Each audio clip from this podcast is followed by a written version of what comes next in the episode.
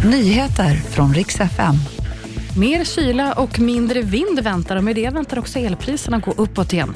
Så ska det handla om prins Harry som ska hedras men också hånas för sin senaste utmärkelse.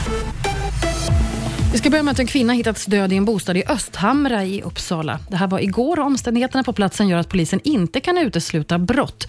Därför har polisen nu inlett en förundersökning gällande mord.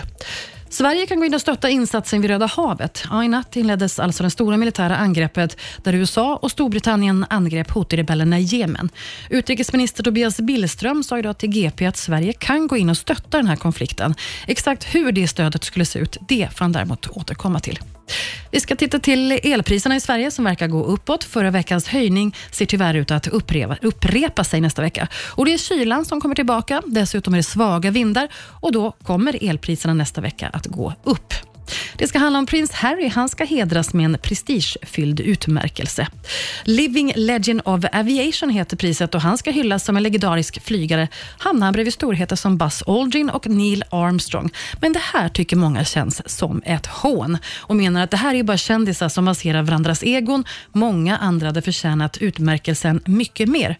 Oavsett, det blir prins Harry som väljs in på en glittrig och prestigefylld gala. Det var nyheterna. Jag heter Maria Granström.